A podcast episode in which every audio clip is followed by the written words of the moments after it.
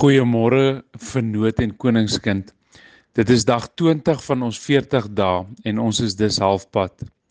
Beweeg verder saam met my in hierdie 40 dae van sy teenwoordigheid. Ek wil graag begin deur vandag hierdie wonderlike skrif te lees in Jesaja 58 vers 11.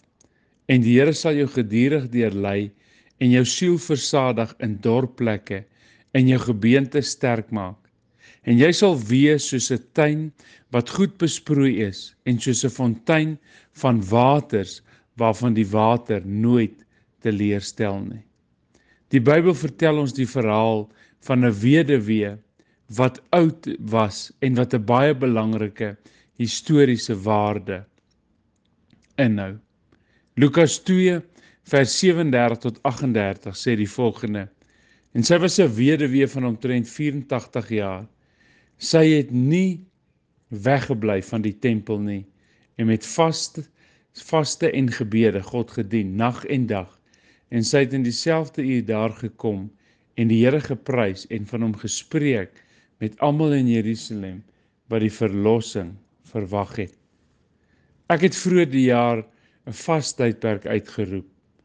Ek wil weer na jou toe kom en jou uitdaag om die Heilige Gees te vra om enige area van jou lewe te identifiseer wat jy nodig het om te vas.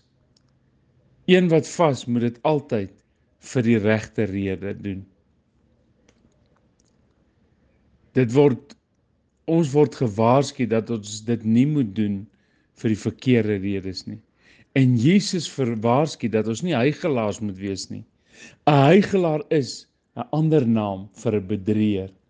En 'n bedrieger is iemand wat ander bedrieg deur voor te doen met 'n aanvaarde karakter onder valse voorwendsels. Die Fariseërs het so gevas en hulle moes kies of hulle loon gaan ontvang by mense of loon gaan ontvang by God.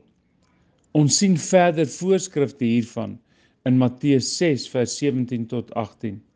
As jy nie honger is na God nie, het ons toegelaat dat ons siele deur ander dinge versadig word. Ek en jy is selfs verantwoordelikheid vir ons. As ek dit so kan uitdruk, vir ons hongervlak. As jy nie honger is nie, is jy dalk klaar versadig. Dalk gevul met plesiere en afleidings van hierdie wêreld. Om daarmee te help, sal 'n mens moet vas. Juist daardie dinge wat ons aflei en gemaklik maak. Hierdie moet egter 'n lewenswyse wees en nie 'n een eenmalige gebeurtenis nie. Jy moet oorontwikkel ten ten spyte van 'n besige skedule. En wanneer dit gedoen word, kan ons sy stem hoor wanneer hy begeer om met ons te praat. Ek bid saam met jou. Vader, dankie vir 'n wonderlike geleentheid en voorreg om uit u woord uit te hoor dat ons kan groei in ons hongerte. Verander veral wanneer ons self besig hou met die regte dinge. Ek bid u genade u goedheid en u beskerming oor elkeen daar buite. In Jesus wonderlike naam. Amen